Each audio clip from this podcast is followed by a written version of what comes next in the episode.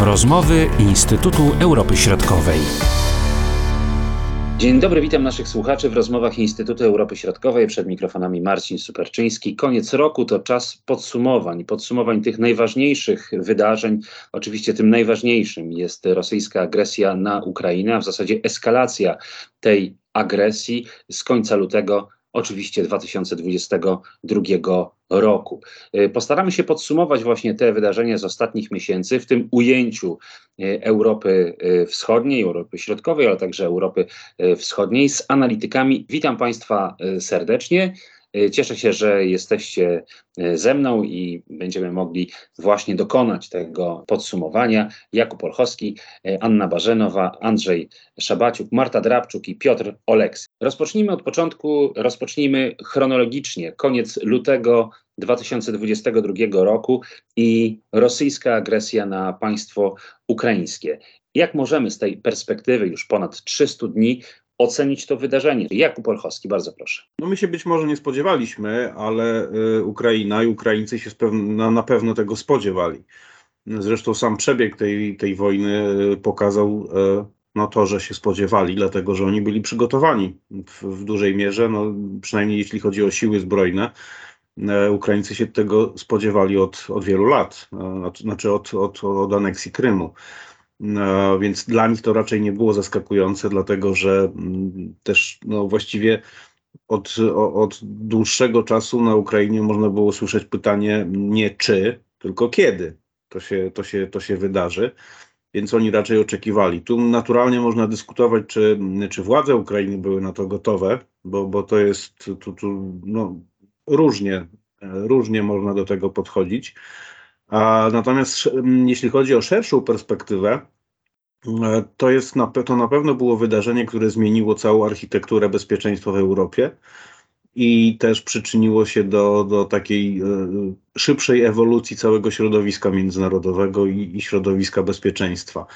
A to zmieniło, to, to, to zmieniło świat i ta wojna jeszcze trwa i jeszcze, jeszcze będzie trwała najprawdopodobniej dość długo ale ona, ona bardzo wiele rzeczy zmieniła i długo jeszcze będziemy o tym, będziemy to analizować, dokonywać tych e, ocen i w różnych, w różnych płaszczyznach. Te ostatnie wydarzenia i posunięcia polityczne będziemy omawiali e, w trakcie tej e, rozmowy, ale na razie koncentrujemy się na tym, co było w przeszłości w ciągu tych ostatnich miesięcy. Jeśli chodzi o Białoruś, czy ta postawa lidera tego państwa, samozwańczego e, lidera Aleksandra Łukaszenki, czy ona może być zaskakująca, bo agresja także dokonała się z terytorium państwa białoruskiego i oczywiście nie jesteśmy w stanie odpowiedzieć na pytanie, e, czy ta sytuacja może się powtórzyć w ciągu najbliższych tygodni, miesięcy. Są pewne przesłanki ku temu.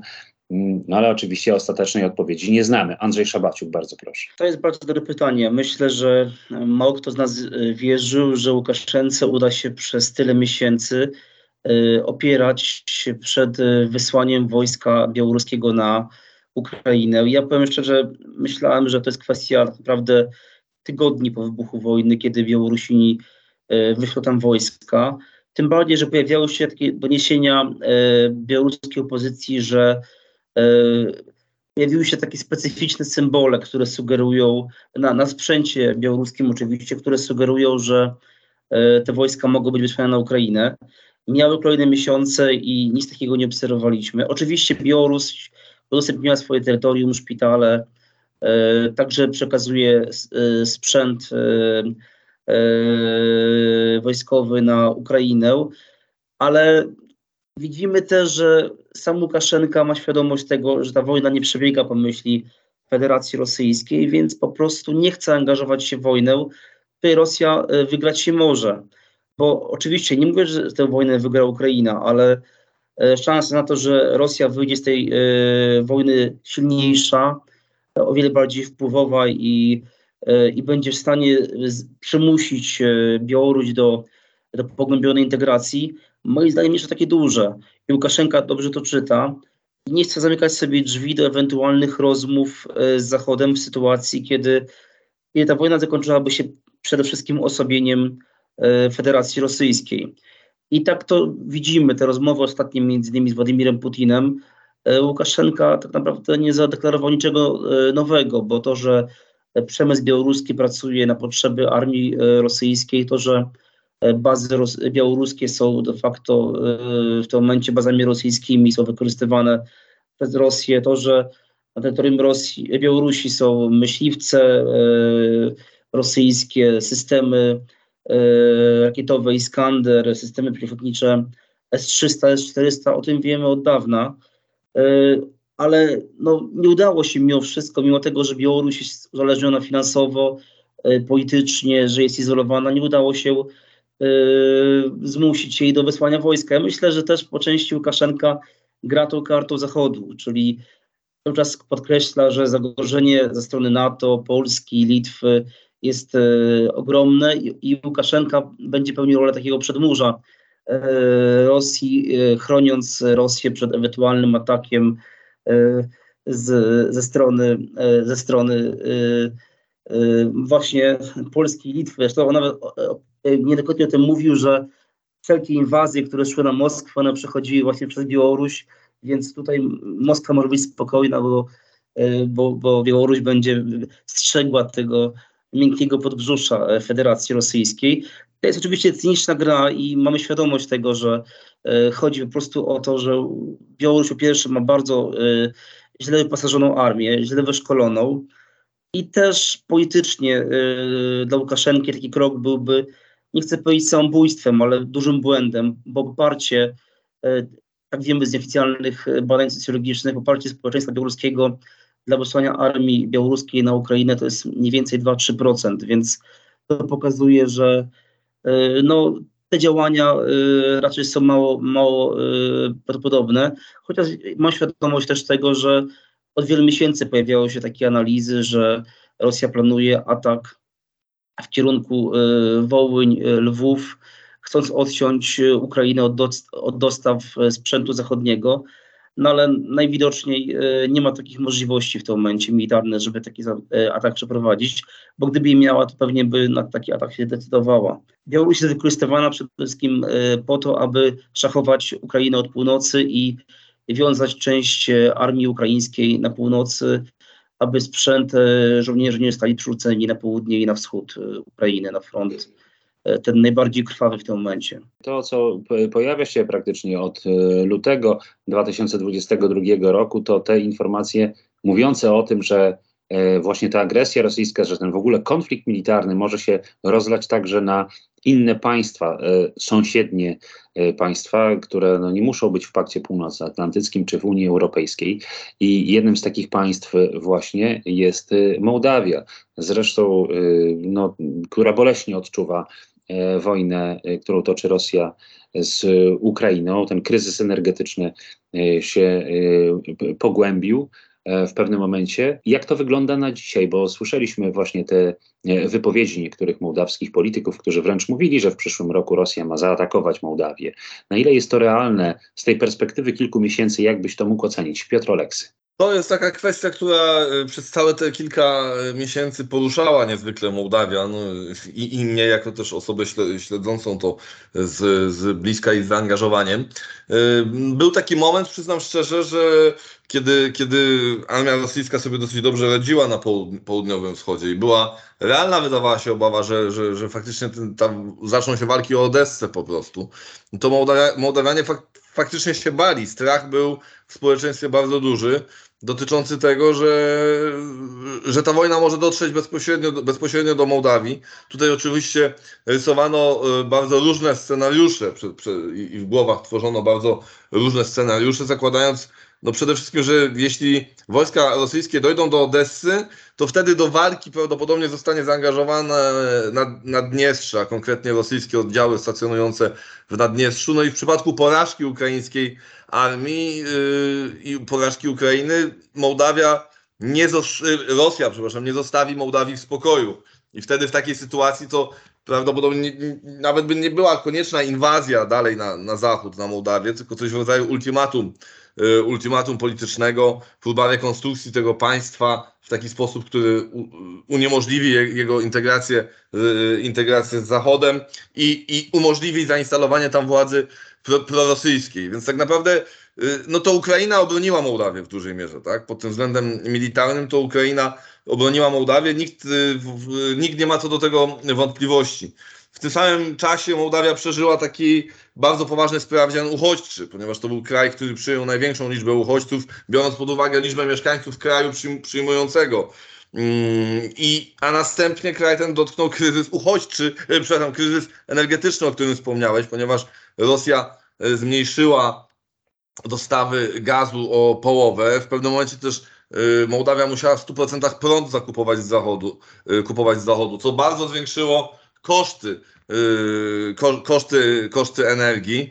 I, i, I to wszystko powoduje ogromny niepokój w społeczeństwie, frustrację, frustrację, strach, które dodatkowo wykorzystują lokalne siły polityczne, takie opozycyjne powiedzmy, ale, ale prorosyjskie, kierowane też przez skompromitowanych yy, oligarchów, oligarchów. I teraz ten wątek znów ponownego ataku na Mołdawię powrócił ja, yy, za sprawą wypowiedzi właśnie szefa Mołdawskiej Służby Informacji i Bezpieczeństwa yy, sprzed wczoraj. Ja pamiętam teraz, że od 9 maja tak najbardziej się baliśmy, baliśmy że, że 9 maja coś się może wydarzyć, coś się, może wydarzyć, mimo że wojska rosyjskie były, były już wtedy do, dosyć daleko, teraz są jeszcze dalej.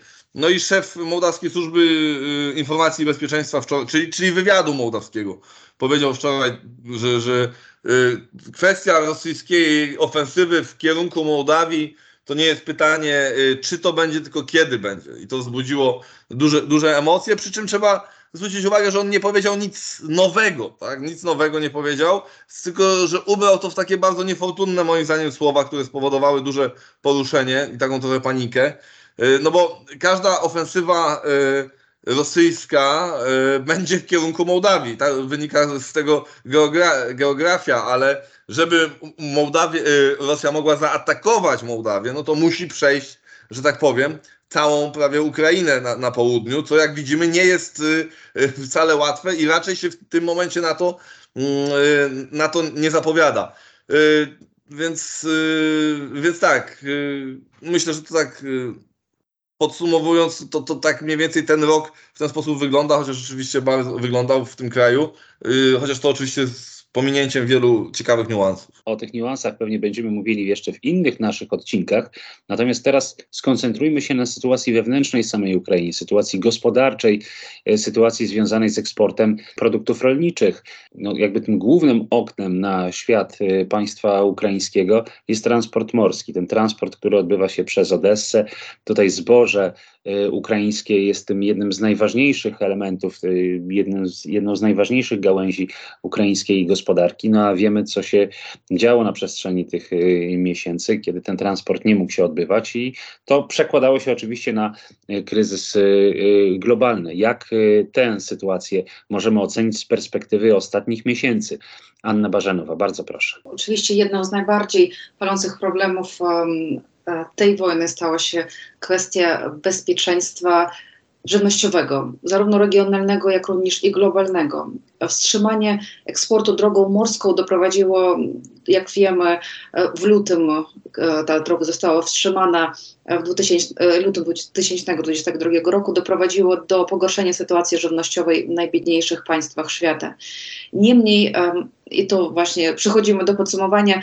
Niemniej Ukrainie udało się zachować swoje miejsce, e, swoje miejsce, swoją pozycję na globalnym rynku rolnym i pozostać na pierwszym miejscu w eksporcie oleju słonecznikowego, e, trzecim jęczmienia, czwartym kukurydzy i piątym pszenicy. Tutaj warto podkreślić, że dużą odwagą i solidarnością w czasie wojny wyznaczyli się ukraińscy rolnicy, ukraińscy farmerzy mimo ryzyka wychodzili na pole, by, aby siać i zbierać plony, wiedząc, że mogą znaleźć się pod ostrzałem lub zginąć w wyniku eksplozji miny.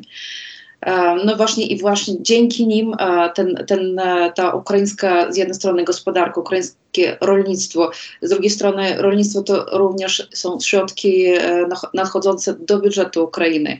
I mm, bezpośrednio zwracając do, do, do pytania, do tego korytarzu zbożowego, który został otwarty 1 sierpnia tego roku, to faktycznie można, wnios- można podsumować, że Ukraina wyszła na takie objętości eksportu, które ona e, utrzymywała w poprzednich latach. Można powiedzieć, że w, takiej sytuacji, którą, w której jest y, obecnie państwo ukraińskie, to o czym mówisz, to niewątpliwie sukces.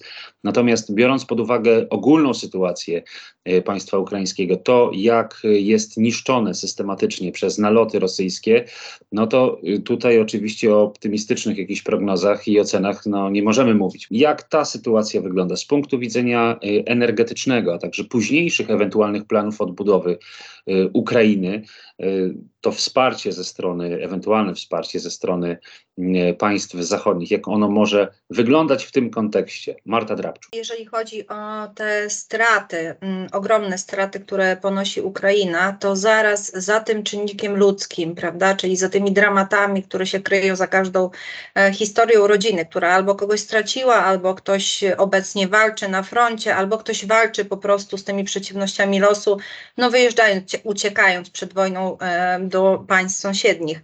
E, te straty gospodarcze są e, właśnie na tym drugim miejscu. Przede wszystkim mówimy sobie o bardzo złej kondycji e, finansów publicznych Ukrainy, ponieważ e, o ile na początku, w tych pierwszych miesiącach wojny, e, rząd jakoś starał się przetrwać i poradzić sobie z tymi niedoborami budżetowymi, to niestety sytuacja z dnia na dzień się pogarsza. To, że te straty się pogłębiają i to, że ta infrastruktura jest niszczona ciągle i ciągle przebywa pod ostrzałami strony rosyjskiej, no powoduje to, że tak naprawdę trudno w tej tej chwili mówić, e, kiedy, e, czy, czy trudno ocenić, oszacować, prawda, jaka kwota będzie potrzebna na odbudowę e, Ukrainy. Mm, mówimy tutaj o tej gospodarczej, gospodarczych aspektach. Natomiast to, co jest istotne, e, to to, że zarówno Ukraińcy, czyli społeczeństwo ukraińskie, jak rząd ukraiński, ale także partnerzy zagraniczni są solidarni i konsolidują swoje wysiłki na rzecz wsparcia tych kosztów, które ponosi Ukraina, kosztów oczywiście związanych związanych z gospodarką. E, mówimy sobie e, tutaj o kolejnych latach, które czekają Ukrainę w, tym, w tej bardzo trudnej e, sytuacji gospodarczej. Pamiętajmy, że bezpośrednio przed wojną Ukraina była dość osłabiona poprzez no, dwuletnią prawie pandemię koronawirusa, więc właściwie wszystkie środki, które były skumulowane, poszły też na walkę z, właśnie z koronawirusem. Więc ta tendencja, pogarszająca się tendencja, oczywiście kondycja gospodarki ukraińskiej jest bardzo widoczna. E, gorszym aspektem jest to, że tych brak, brak środków nie tylko e, w zakresie e, przetrwania gospodarczego, ale także w zakresie reform i inwestycji, które były planowane jeszcze przed rozpoczęciem wojny Rosji przeciwko Ukrainie. Wśród tych powiedzmy takich no, plusów, które można szukać, czy, czy należy się jednak gdzieś tam doszukiwać e, w tej całej sytuacji, to jest to, że Ukraina dostała bardzo przyspieszoną szansę, jeżeli chodzi o e, ogromną modernizację e, swojej gospodarki. To szczególnie widać właśnie E, w zakresie e, infrastruktury krytycznej, właśnie infrastruktury energetycznej, ponieważ ta infrastruktura ucierpiała najbardziej, e, czyli infrastruktura energetyczna zniszczona, praktycznie połowa jest zniszczona na tyle, że nie da się jej w ogóle odbudować, a połowa mocy, które obecnie jeszcze funkcjonują, no niestety też chodzą na, na półmocy, czyli właściwie taka szansa przyspieszona na to, żeby budować nową gospodarkę już w oparciu nie o te przeżytki, z czasów byłego Związku Radzieckiego, tylko jakby patrząc o kilka kroków do przodu, robiąc taki ogromny krok, e, e, przechodząc ponad e, kolejnymi etapami wdrażanymi jakby przez pryzmat e, potrzeb, bo te potrzeby, które w tej chwili są, e, są ogromne. Oczywiście kryzys energetyczny jest e, widoczny na Ukrainie. Ten kryzys energetyczny odbija się w tym, że społeczeństwo ukraińskie mm, spędza i dnie, i noce bez dostępu do energii elektrycznej w nieogrzewanych domach. Jest wyhamowane praktycznie na 50% biznes ukraiński, czyli przedsiębiorstwa przedsiębiorcy, którzy nawet uciekając przed wojną, relokowali swoje biznesy z terenów wschodnich na, na tereny zachodnie, w tej chwili nie mogą funkcjonować normalnie. Oczywiście y, państwo podejmuje działania takie, aby wspomóc y, y, przynajmniej dostawy pomocy humanitarnej, żywności oczywiście, no i broni, prawda, które bez e, przeszkód mogą docierać e, od partnerów e, zachodnich na teren Ukrainy, ale oczywiście patrząc na skalę tych zniszczeń, jednak wciąż jest tego za mało. Pozytywnym aspektem gospodarczym, myślę, że tutaj należy wspomnieć, to jest to, że Ukraina rzeczywiście zbliża się do Unii Europejskiej. Mówimy tutaj o statusie E, kandydata, ale także właściwie o tych e, pierwszych e, krokach w, w kierunku integracji gospodarczej, czyli jakby znowu tej konsolidowania rynków ukraińskich z rynkami europejskimi to w przyszłości pozytywnie też przełoży się na możliwości odbudowy gospodarki ukraińskiej. Pamiętajmy, że te pierwsze plany odbudowy już są wdrażane. Mówimy o tych pierwszych planach wewnętrznych i tu rzeczywiście kilka etapów tak naprawdę e, już e, trwają albo de facto zakończone, czyli mówimy przede wszystkim o usuwaniu tych obiektów e, infrastrukturalnych, które całkowicie nie nadają się do, do odbudowy. Mówimy sobie także o przywróceniu de facto takiej względnej normalności w funkcjonowaniu zarówno cywilów, jak i podmiotów gospodarczych. Natomiast to, co jest najtrudniejsze, jest ciągle przed Ukrainą i to jest ten ogromny plan odbudowy, który de facto, no zarysy powiedzmy pojawiły się podczas e, konferencji w Lugano. E, sporo państw zadeklarowało takie wsparcie finansowe, ale nie tylko finansowe, także techniczne, także wsparcie eksperckie, co w sytuacji, kiedy e, skala jest tak duża, jest niezwykle ważne ale także wsparcie finansowe w postaci chociażby utworzonego kilka dni temu przez Bank Światowy y, Funduszu Powierniczego na rzecz, na rzecz pomocy y, humanitarnej, odbudowy i reform Ukrainy, gdzie de facto to już jest taki gotowy mechanizm, który pomoże czy wesprze Ukrainę na tej, e, na tej ścieżce odbudowy gospodarki. Zanim do tej odbudowy dojdzie do tej najważniejszej e, części, kluczowej, e, no to jeszcze sporo czasu minie, no bo przecież toczą się działania wojenne i one są raz bardziej, raz mniej intensywne. Tak jak e, pamiętamy z końca lutego, te działania rosyjskie, północ Ukrainy, wschód, południe, to było takie skoordynowane uderzenie e, z trzech e, kierunków. Teraz można powiedzieć, że po tych ostatnich sukcesach państwa ukraińskiego, wojsk ukraińskich, e, ten front się mniej więcej ustabilizował, ale czego możemy się spodziewać w ciągu tych najbliższych dni, może bardziej tygodni, najbliższych, najbliższego miesiąca? Czy tutaj możemy się spodziewać jakichś działań, które mogą wpłynąć na rozstrzygnięcie tego, tej właśnie wojny, czy czy niekoniecznie.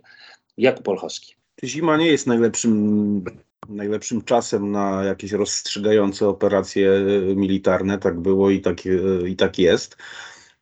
Natomiast, tak jak powiedziałeś, walki oczywiście trwały i trwają. Dlatego chociażby, że Rosja dość, dość rozpaczliwie już potrzebuje jakiegokolwiek sukcesu. Z tego, z tego na przykład powodu trwają e, wciąż ciężkie walki e, o Bachmut. Ta, ta miejscowość de facto nie ma żadnego znaczenia strategicznego, tak jak wiele innych niewielkich miejscowości, o które trwały walki, ale chodzi o to, że e, no, Rosjanie to pokazują niemal jak, jak, jak walki o Stalingrad. To dla nich po prostu jest kwestia jakiegokolwiek sukcesu militarnego, który można by pokazać e, w kraju, dlatego że, czy w Rosji, E, dlatego że no, nastroje społeczne e, nie są najlepsze i, i raczej się pogarszają niż poprawiają. E, w związku z tym no, jakikolwiek sukces militarny Rosji jest potrzebny. Ale jeśli chodzi o jakieś rozstrzygnięcia czy o jakieś poważniejsze operacje, no to będziemy, zdaje się, musieli poczekać do wiosny. Tak zresztą twierdzi między innymi źródła ukraińskie i wywiad ukraiński, no i ukraiński sztab, że e, Rosjanie będą chcieli na wiosnę e, ruszyć z kolejną ofensywą po prostu i, i nie jest wykluczone, że kolejne fale mobilizacji w Rosji będą miały miejsce. Właśnie po to, żeby zebrać e, niezbędną liczbę żołnierzy do, do, do tej wiosennej ofensywy. Teraz to, co się teraz dzieje, to jest tylko no takie trochę działania pozycyjne właściwie. Piotr Oleksy, widzę, że się zgłaszasz. No właśnie, no właśnie, zobaczmy. Y, walki o Bachmut, prawda? Na, nagle y, niezwykle ważne stają się walki o Bachmut. Dla, dla Rosji, dla nas, dla wszystkich. Y, no, nie, kto, kto, kto rok temu wiedział, gdzie jest Bachmut, szczerze mówiąc, tak? Czy, czy my, czy, czy w, w Rosji, czy nawet na Ukrainie, myślę, wiele ludzi rok temu nie, nie wiedziało, gdzie jest Bachmut tak naprawdę. I to jest tak naprawdę największe zaskoczenie tego roku, gdybyśmy się mieli nad tym. Znaczy są dwa zaskoczenia, tak? Czyli to, że Rosja zdecydowała się na tą pełnoskalową inwazję. Ja myślę, że to, to jednak cały czas, y, już teraz zapomnieliśmy o tym, że to jednak było było zaskoczenie. Kuba na początku mówił o tym, że Ukraińcy się y, do tego przygotowywali i, jak widać po ich reakcji, faktycznie przygotowywali się do tego mentalnie y, jak najbardziej, ale, ale no znakomita większość z nas sądziła, że Rosja będzie prowadzić agresywną politykę, czy wręcz rozszerzy swoją agresję, ale ona będzie miała ograniczenia regionalne gdzieś do, do wschodniej Ukrainy. a to, że Ukraińcy jednak, no ta postawa ukraińskiej armii, ukraińskiego społeczeństwa, to to, to warto to w tym momencie takiego podsumowania podkreślić, że to jest tak, tak, o, tak duża yy, tak duża niespodzianka, do której się już jakoś przyzwyczailiśmy, tak? I teraz wręcz znowu takie tory myślenia się często przedstawiają i wręcz często jak słyszę w mediach, to jest no zdziwienie, że no w zasadzie czemu to Ukraińcy ostatnio nie, nie, nie mają jakiegoś przyspieszenia, czy tam spowolnili troszeczkę w swojej, powiedzmy, ofensywie, że jest takie, łatwo się przyzwyczajamy do, tak, do tych, powiedzmy, dobry, yy, dobrych rzeczy. A jeśli chodzi o te rozstrzygnięcia, to zgadzam się jak najbardziej z tym, co yy, Kuba mówił, że ciężko się spodziewać zimą jakichś rozstrzygnięć militarnych, yy, takich na polu bitwy.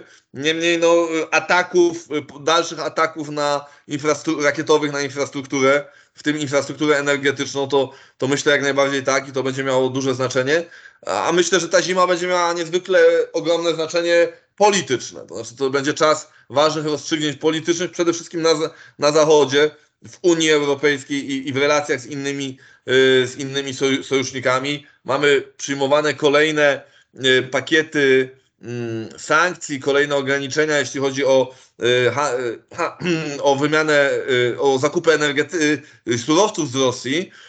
No z tym, że jak widać, tak naprawdę często problemem jest to, że wcześniejsze, wcześniejsze ograniczenia nie są realizowane w 100%, tak? I, i, i mm, skupienie się na tym, żeby to, co już wcześniej uzgodniliśmy, faktycznie weszło w życie, żeby to zadziałało, być może może być nawet ważniejsze niż wprowadzanie kolejnych, yy, kolejnych sankcji, z których, yy, z których mamy jakieś ustępstwa, yy, otwarte furtki y, i tak dalej. Więc trochę myślę, tej zimy y, nasza uwaga znów z militariów przeniesie się troszeczkę na, y, na, na politykę. Jednak też cały czas wszystko, co mówimy, jest Y, pod takim parasolem myślenia o tym, że rzeczywistość nas nieustannie zaskakuje i, i chyba nic, co mówimy, nie mówimy ze stuprocentową pewnością. No tak, ale niewątpliwie konsekwencja tutaj y, określonych działań politycznych jest tutaj bardzo ważna, może nawet najważniejsza. To jest jakby jedna rzecz. I druga rzecz, y, na którą też chciałbym zwrócić uwagę, o której wspominałeś, to jest to nastawienie takie taki komunik takie komunikaty, które w ostatnich chyba nawet miesiącach przeważały, przynajmniej w polskich mediach, yy, mówiące o tym, yy, że no właśnie pokazujące sukces za sukcesem e, armii ukraińskiej, wojsk ukraińskich a, i można powiedzieć ciągłego, e, ciągłych porażek rosyjskich tutaj. E, a to nie jest takie czarno-białe, to tak to nie działa. Tam, gdzie odnosi się sukcesy, to też ponosi się straty, należy o tym pamiętać. To jest bardzo ważne i tylko, że tu mówimy w tym momencie o nas, tak, jako o tak.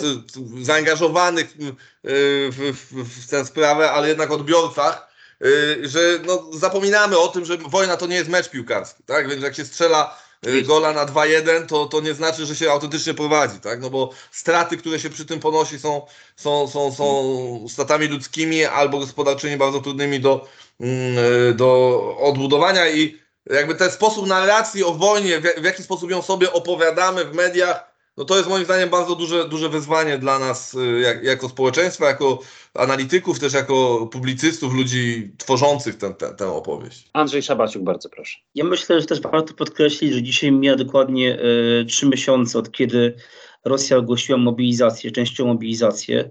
E, wiemy z doniesień e, wywiadu ukraińskiego, że ponad 80 tysięcy co najmniej osób walczy już na Ukrainie z tych zmobilizowanych.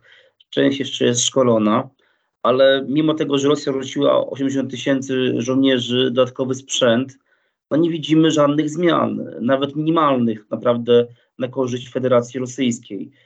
Mam świadomość oczywiście, że tutaj e, Walery Załużny ostrzega nas, że na wiosnę może mieć miejsce kolejny atak na Kijów, ale e, z drugiej strony analitycy, e, między innymi amerykańscy, no podkreślają, że no, to niewielkie szanse, że Rosja zdecyduje się na taki atak, ponieważ e, ta mobilizacja nie zmieniła zasadniczo e, jakościowo te, tej, tej wojny od strony Federacji Rosyjskiej. Po prostu brakuje wyszkolonych żołnierzy, brakuje sprzętu. Dowództwo też nie radzi sobie, krótko mówiąc, rosyjskie. Więc, a też to, co, mówił, to mówiła Marta wcześniej, ta kwestia ataków na infrastrukturę e, cywilną, no mimo tego, że oczywiście e, straty są ogromne i Ukraińcy, praktycznie cała Ukraina mierzy się z brakiem prądu, z brakiem ogrzewania, z brakiem wody i tak dalej. Ukraińcy, no, nie widać jakiegoś e, podłamania, jakiegoś upadku morale. E, Wręcz przeciwnie, narastają takie uczucia antyrosyjskie. I ja myślę, że Władimir Putin trochę jednak się przeliczył. Dlaczego? Bo, bo e, on zapomina chyba, że, e, e, że on walczy w tym momencie z całą Ukrainą, a nie z, z Załęskim, Załużnym, czy z jakąś, jak on to określał, huntą kijowską. On e, poprzez swoje działania, przez ataki na praktycznie całą Ukrainę, e, nastawił sobie zwykłych, prostych Ukraińców, nawet tych zachodniej Ukrainy, który, którzy pamiętam jeszcze w 14 roku, jak się jechało na Ukrainę, często oni, oni uważali, że to, co się dzieje na wschodzie, to jak gdyby ich nie dotyczy, e, że Donbas w sumie powinien e, być odłączony, Krym to nie jest taka wielka strata. Nie wszyscy oczywiście, nie wszyscy, ale, ale były też takie osoby. Teraz ta sytuacja jest e, inna i widzimy, że Ukraińcy no, nie, nie mają zamiaru e, ustępować ani ulec szantażowi e, Władimira Putina. E, Anna Barzenowa, bardzo proszę. Chciałam e, wejść w słowo i powiedzieć, że nie warto nie doceniać e, przeciwnika, nie, nie warto nie doceniać Rosji w tym momencie. I nie warto również, nie można przy, przykładać pobożnych naszych życzeń na rzeczywistość. Zgadzam się, że pod względem politycznym Rosja słabnie, tak, i to obserwujemy wszyscy, ale pod względem wojskowym, moim zdaniem, jest odwrotnie. E, cała gospodarka rosyjska została przestawiona na tory wojskowe. Na front trafiają dobrze wykształcone mm, żołnierze. To znaczy, my nie możemy mówić o wszystkich. A z drugiej strony nie bardzo się zgadzam z tym, że konflikt może zimą się wyciszyć. E, Przykładowo na to wskazują te e, e, ilość osób, która ginie na, na, na froncie. Tak? Moim zdaniem odbywa się raczej eskalacja konfliktu wzdłuż- całej linii frontu. Na północy obserwujemy ataką, atakę wojsk ukraińskich, w obwodzie doneckim ofensywy wojsk rosyjskich, ten sam Bachmut Ozerny, w obwodzie zaporowskim wzajemne obserwujemy uderz- uderzenia na tyłach, na składy wojskowe. Um, I jeśli wiosną, w maju przykładowo, ginęło mm, gdzieś 100, 180 osób dziennie po stronie rosyjskiej, 200, to teraz em, strona rosyjska traci po 500-600 osób dziennie. No i to właśnie moim zdaniem to konflikt się nie wycisza. Tak, rzeczywiście zima z jednej strony komplikuje działania ofensywne, całą logistykę, całą e, zaopatrzenie, tak, ale z drugiej strony, jak wiemy, w tym okresie przewagę e, będzie miała lepiej wyposażona armia. E, no i jeszcze raz podkreślę, że no, nikt nie będzie pauzował o, wojnie na okres zimowy. Marta Drabczuk. Mówimy tutaj oczywiście o y, zimowym okresie y, pod kątem działań zbrojnych, ale pamiętajmy, że ta wojna toczy, toczy się na wielu frontach.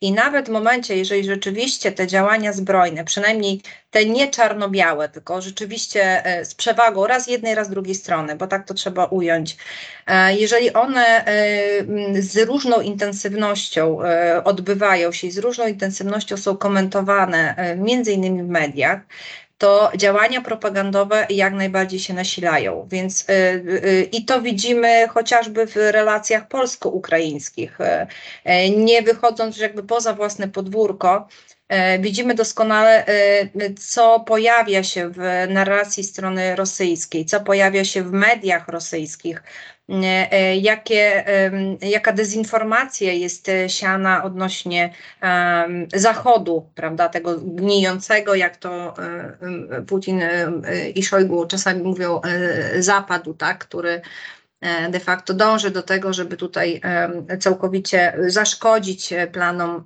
Rosji. Więc jeżeli weźmiemy te różne aspekty, to wojna, czy ta intensywność wojny no nie spada. E, e, jakby znowu e, idąc tokiem myślenia Ani, patrząc od strony przeciwnika, myślę, że przeciwnik też potrzebował takiej chwili pauzy, prawda? Czyli Rosja potrzebowała też takiego, takiego mm, mm, krótkiego okresu, kiedy de facto zregeneruje, jeżeli można tak powiedzieć, swoje zasoby, ponieważ sankcje, które uderzają w gospodarkę rosyjską, niewątpliwie uderzają, e, są to działania, które są odroczone w czasie, więc e, trudno było się spodziewać, że natychmiast wprowadzone sankcje osłabią gospodarkę rosyjską, ale patrząc długoterminowo, e, na pewno gospodarka rosyjska słabnie. Tutaj znowu, jeżeli porównamy potencjał gospodarki ukraińskiej, a de facto tego, co z niej pozostało, i, go, i potencjał samej gospodarki rosyjskiej, to niewątpliwie Ukraina wygląda blado. Ale pamiętajmy, że jeszcze jednym fenomenalnym zjawiskiem, które się jawiło tutaj podczas wojny, to była ta jedność Zachodu. Mm, jedność Zachodu oczywiście po stronie ukraińskiej, więc biorąc pod uwagę, że za Ukrainą stoi w tej chwili rzesza państw, które są gotowe nawet kosztem własnego społeczeństwa, czy kosztem własnych, e, prawda, jakichś ambicji gospodarczych jednak wspierać Ukrainę, to e, e, ta przewaga Rosji no, słabnie czy blednie trochę na tym tle. Więc rzeczywiście pamiętajmy, że wojna jest wielowymiarowa. Aczkolwiek trochę jakby wybiegając do przodu, wydaje mi się, że jednak e, sporo e, takich zamierzonych efektów, e, chociażby w zakresie języka rosyjskiego, prawda, używanego na Ukrainie, wymknęła się spod kontroli, czyli jakby efekty, które były zamierzane pierwotnie, nie udało się osiągnąć, a wręcz przeciwnie, wojna spowodowała czy spotęgowała właśnie to, czego reżim Putina bardzo się obawiał. Kuba Olchowski, a potem Piotr Oleksy. Bardzo proszę panowie. Tak, to jest, czy Marta ma całkowitą rację, jeśli chodzi o sankcje i o ich e, no, długoterminową perspektywę ich zadziałania, dlatego że no zresztą tak ekonomiści wszyscy szacują, że, że tak na dobrą sprawę, chociaż widać już efekty działania tych sankcji, wbrew różnym głosom, że one nie działają, e, to tak naprawdę dopiero wiosna przyszłego roku będzie, y, będzie tym, tym czasem, kiedy Rosja y, no, poczuje y, te sankcje, także w, także w kontekście wskaźników makroekonomicznych róż, różnego rodzaju. Następna rzecz, czy Rosji oczywiście nie można nie doceniać, bo no, no choćby ze względu takiego, że Rosja się nie, znaczy nie podda, Rosja się nie wycofa z tej wojny. Na pewno nie wycofa się y, Władimir Putin i elity rosyjskie, bo to dla nich będzie oznaczało y, koniec, po prostu, upadek. Y, być może dla Rosji również zresztą, więc oni się absolutnie nie wycofają. Natomiast z drugiej strony nie należy Rosji przeceniać chociażby tego wysiłku wojennego, bo gospodarka rosyjska wcale nie jest przestawiona w, no, na tory wojenne w taki sposób, jaki była na przykład w okresie II wojny światowej. E, kiedy nawet fabryki czołgów e, rozmontowano, przewieziono za Ural, zmontowano z powrotem. E, z, z, co najmniej z dwóch powodów. Pierwszy jest taki, że nie ma podstaw prawnych. Mm, po prostu, po prostu to, to by wymagało no, zmiany w ogóle systemu prawnego Rosji, żeby, żeby wprowadzić w ogóle gospodarkę wojenną. A po drugie, co, i to chyba no, co najmniej tak samo ważne, to jest kwestia, to jest kwestia y, procesów demograficznych. generalnie gospodarka rosyjska. To jest jeden z problemów gospodarki rosyjskiej, abstrahując od sankcji zupełnie. Gospodarka rosyjska ma problem z, z, z ludźmi do pracy, z, z dostępnością rąk do pracy.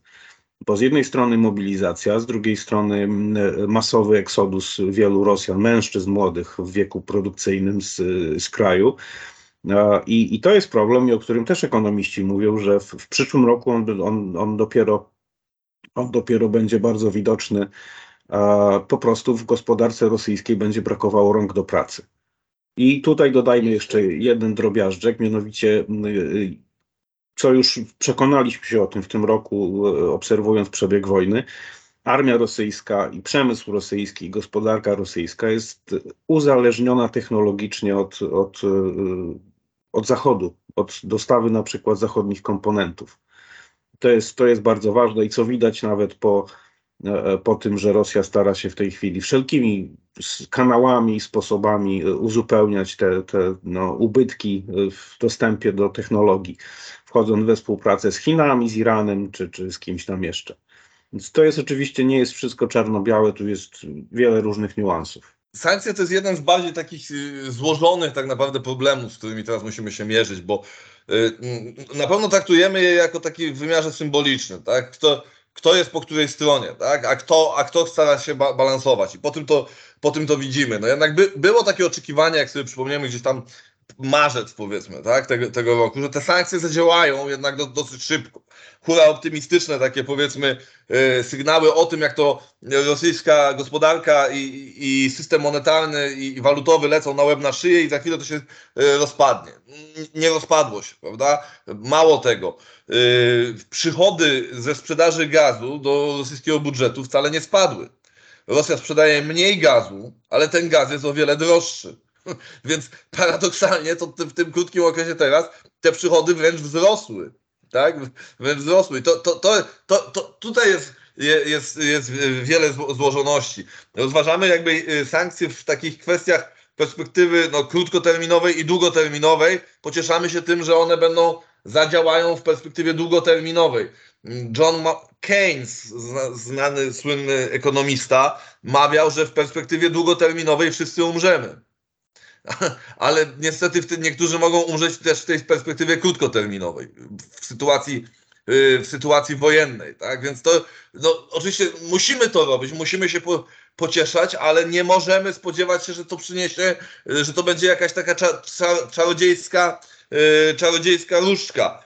I moim zdaniem, jeśli chodzi o sankcje, to nie do końca tu chodzi o to, tak mi się wydaje, że nie do końca tu chodzi o to, że by rzucić rosyjską gospodarkę na, kola, na kolana. Bo to się jak widać tak szybko, yy, tak szybko nie, nie uda, zwłaszcza, że oni też są w stanie dużo więcej wycierpieć niż na przykład my, tak? No takie masowe ponowne oblężenie Leningradu, powiedzmy, możemy sobie wyobrazić. Mm, chodzi raczej o to, żeby zerwać tę konektywność, to znaczy zerwać te uzależnienie od Rosji yy, surowcowe, tak? Yy, to, to, to jest chyba głównym celem sankcji, żeby za ten rok, dwa, trzy, pewnie, może szybciej, y, większość państw Unii Europejskiej mogła sobie pozwolić na prowadzenie niezależnej polityki energetycznej. To rok, dwa, trzy to byłby nadmiernie optymistyczny, yy, optymistyczny. Czyli yy, scenariusz, czyli yy, wytrącić z Ro Rosji te, z ręki tę gazururkę, tak? To, to narzędzie, to, to jest cel, tak? Prawdopodobnie w ogóle i to, I to się poniekąd udaje. To, to, się, to się poniekąd udaje, ale nie wszędzie. Tak? To jest tak, że gdzie ucho przyłożyć? Widzimy negatywne elementy, jak Węgry. Cały czas też drżymy o to, jak w tej kwestii zachowają się Niemcy w najbliższych miesiącach, powiedzmy. No widzimy też pozytywne aspekty. Tutaj takim pozytywnym aspektem jest na przykład Mołdawia. Bo jeśli chodzi o unie, uniezależnienie się od Rosji, to w ciągu roku w tym kraju wydarzyły się rzeczy, które przez 30 lat wydawały się niewykonalne. Tak? W tym momencie Mołdawia ma połowę gazu mniej od Rosji niż miała, a funkcjonuje dobrze. Te, niedawno nie było możliwości technicznego zakupu gazu z zachodu. Teraz już jest, więc to jest już tylko kwestia, e, kwestia pieniędzy. Mm, to samo dotyczy energii elektrycznej, elektrycznej, więc powiedzmy, no tutaj się dokonała w Mołda Mołdawii rewolucja, tak? Pod względem możliwości energetycznych to państwo obróciło się o 180 stopni. Takich przykładów jest więcej też na, na Bałkanach.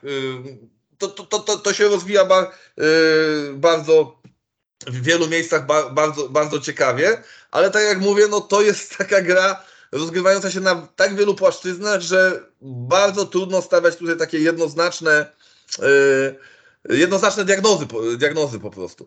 Ale zakończę też już tą moją wypowiedź tym, że prawdopodobnie y, jakby się zastanowić, to to jest też odpowiedź, dlaczego Rosja w ogóle tę wojnę teraz zaczęła. Tak? To znaczy, bo Unia Europejska y, y, jasno dążąc do powiedzmy wprowadzenia zielonej energii, to nie tylko szła w stronę ratowania klimatu, co również w stronę y, surow energetycznej niezależności po prostu, tak? Więc ktoś na Kremlu zdał sobie sprawę, że za 10 lat tego narzędzia energetycznego względem Zachodu już nie będziemy mieli. Być może, prawda?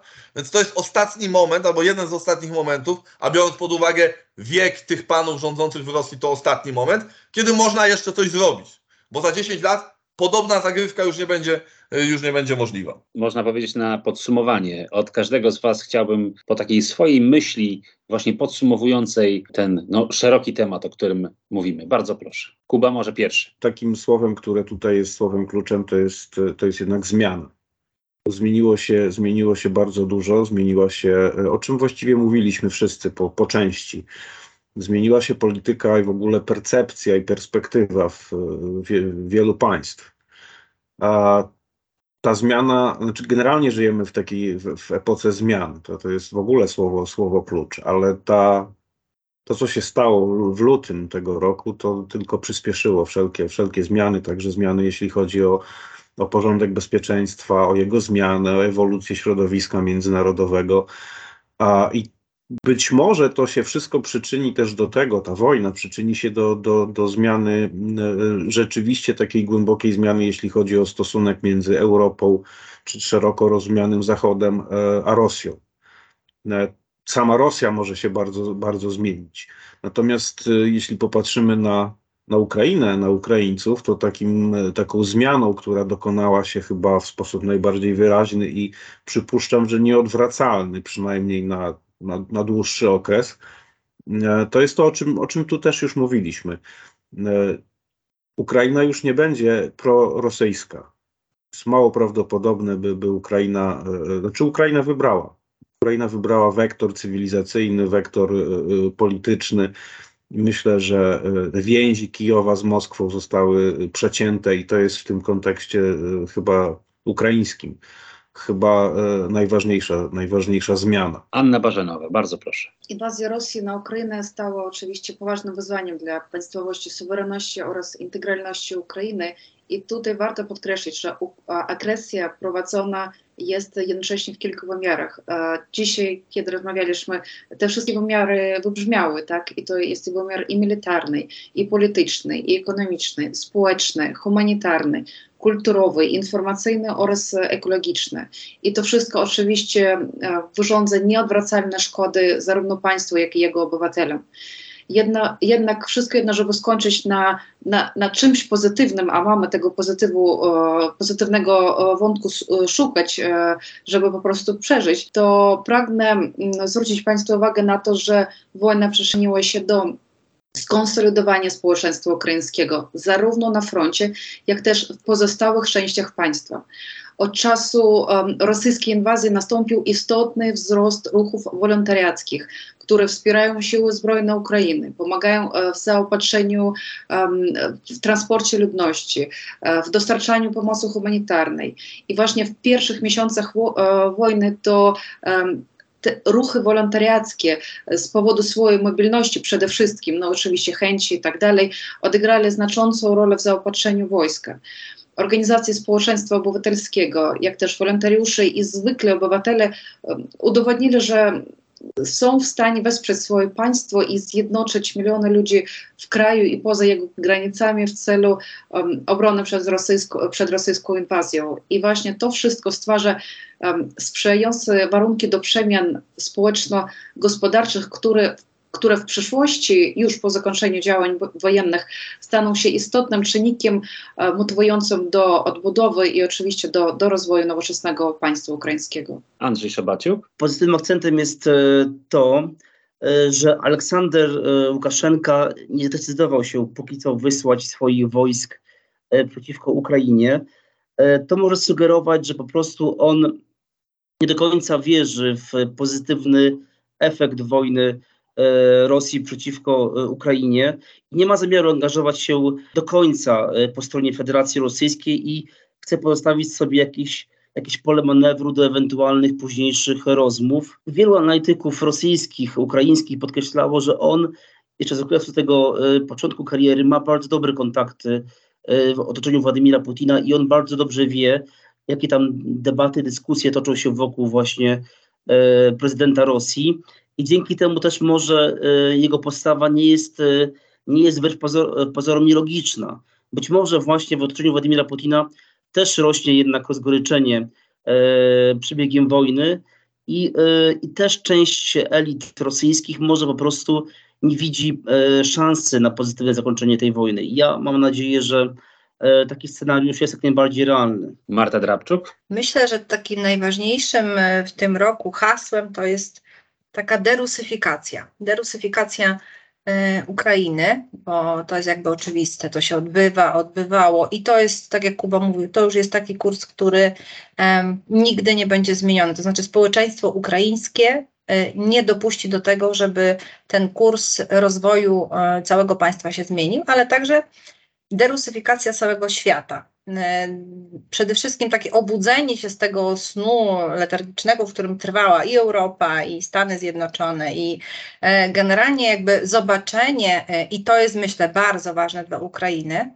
że tu trochę takie prorocze słowa Leonida Kuczmy, prawda, była książka Ukraina to nie Rosja.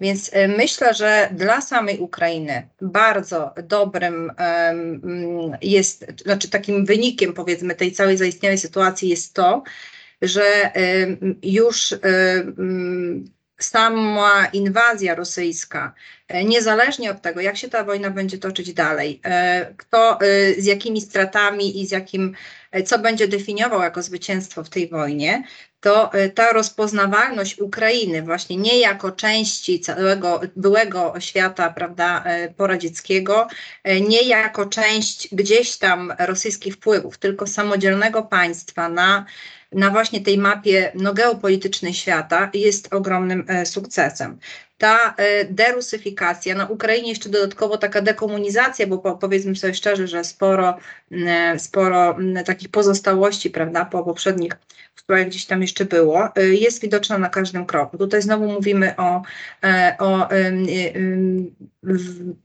przyszłych aspektach, ponieważ Ukraina aspiruje do bycia częścią Zachodu, do powrotu de facto do tego świata zachodniego, czyli mówimy tutaj o oczywiście aspiracjach e, do NATO, mówimy sobie o e, aspiracjach do członkostwa w Unii Europejskiej, więc ta derusyfikacja Ukrainy przełoży się bardzo mocno na to, że Ukraina mm, jest częścią świata zachodniego.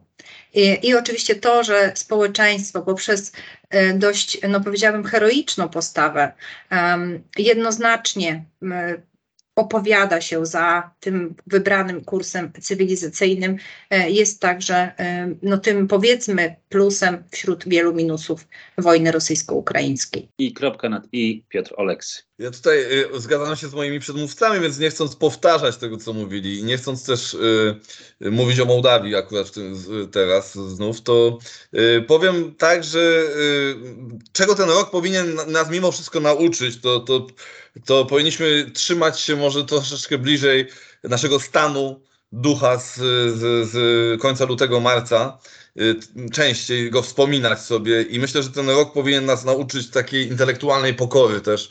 I tego, że nasze sądy y, no takiego y, dystansu wobec własnych sądów i dystansu wobec pewności co do, co do własnych sądów. I, i myślę, że to to wszystko, o czym mówimy, tak jak mówię, ja się zgadzam z moimi przedmówcami, a jednocześnie cały czas drżę, że to, to, to, to wszystko jeszcze może pójść w, kiedyś w inną stronę i, i, i, i znów Yy, I znów będzie nam jeszcze trudniej znaleźć optymistyczne te. Także no, nie chciałbym być pesymistą, bo to jest być może dobra lekcja. Tak? No, pokora intelektualna i dystans wobec własnej takiej yy, prze, przeświadczeń tak naprawdę o tym, jak świat wygląda i w którą stronę z, zmierza, to, to wszystkim się może, może nam przysłużyć. Bardzo dziękuję Wam za te opinie, za te bardzo szerokie e, spostrzeżenia. Kończymy optymistycznie, ale jednak ze znakiem zapytania. Odpowiedzi znajdziemy czy też poznamy za kilka tygodni, może miesięcy. Zobaczymy.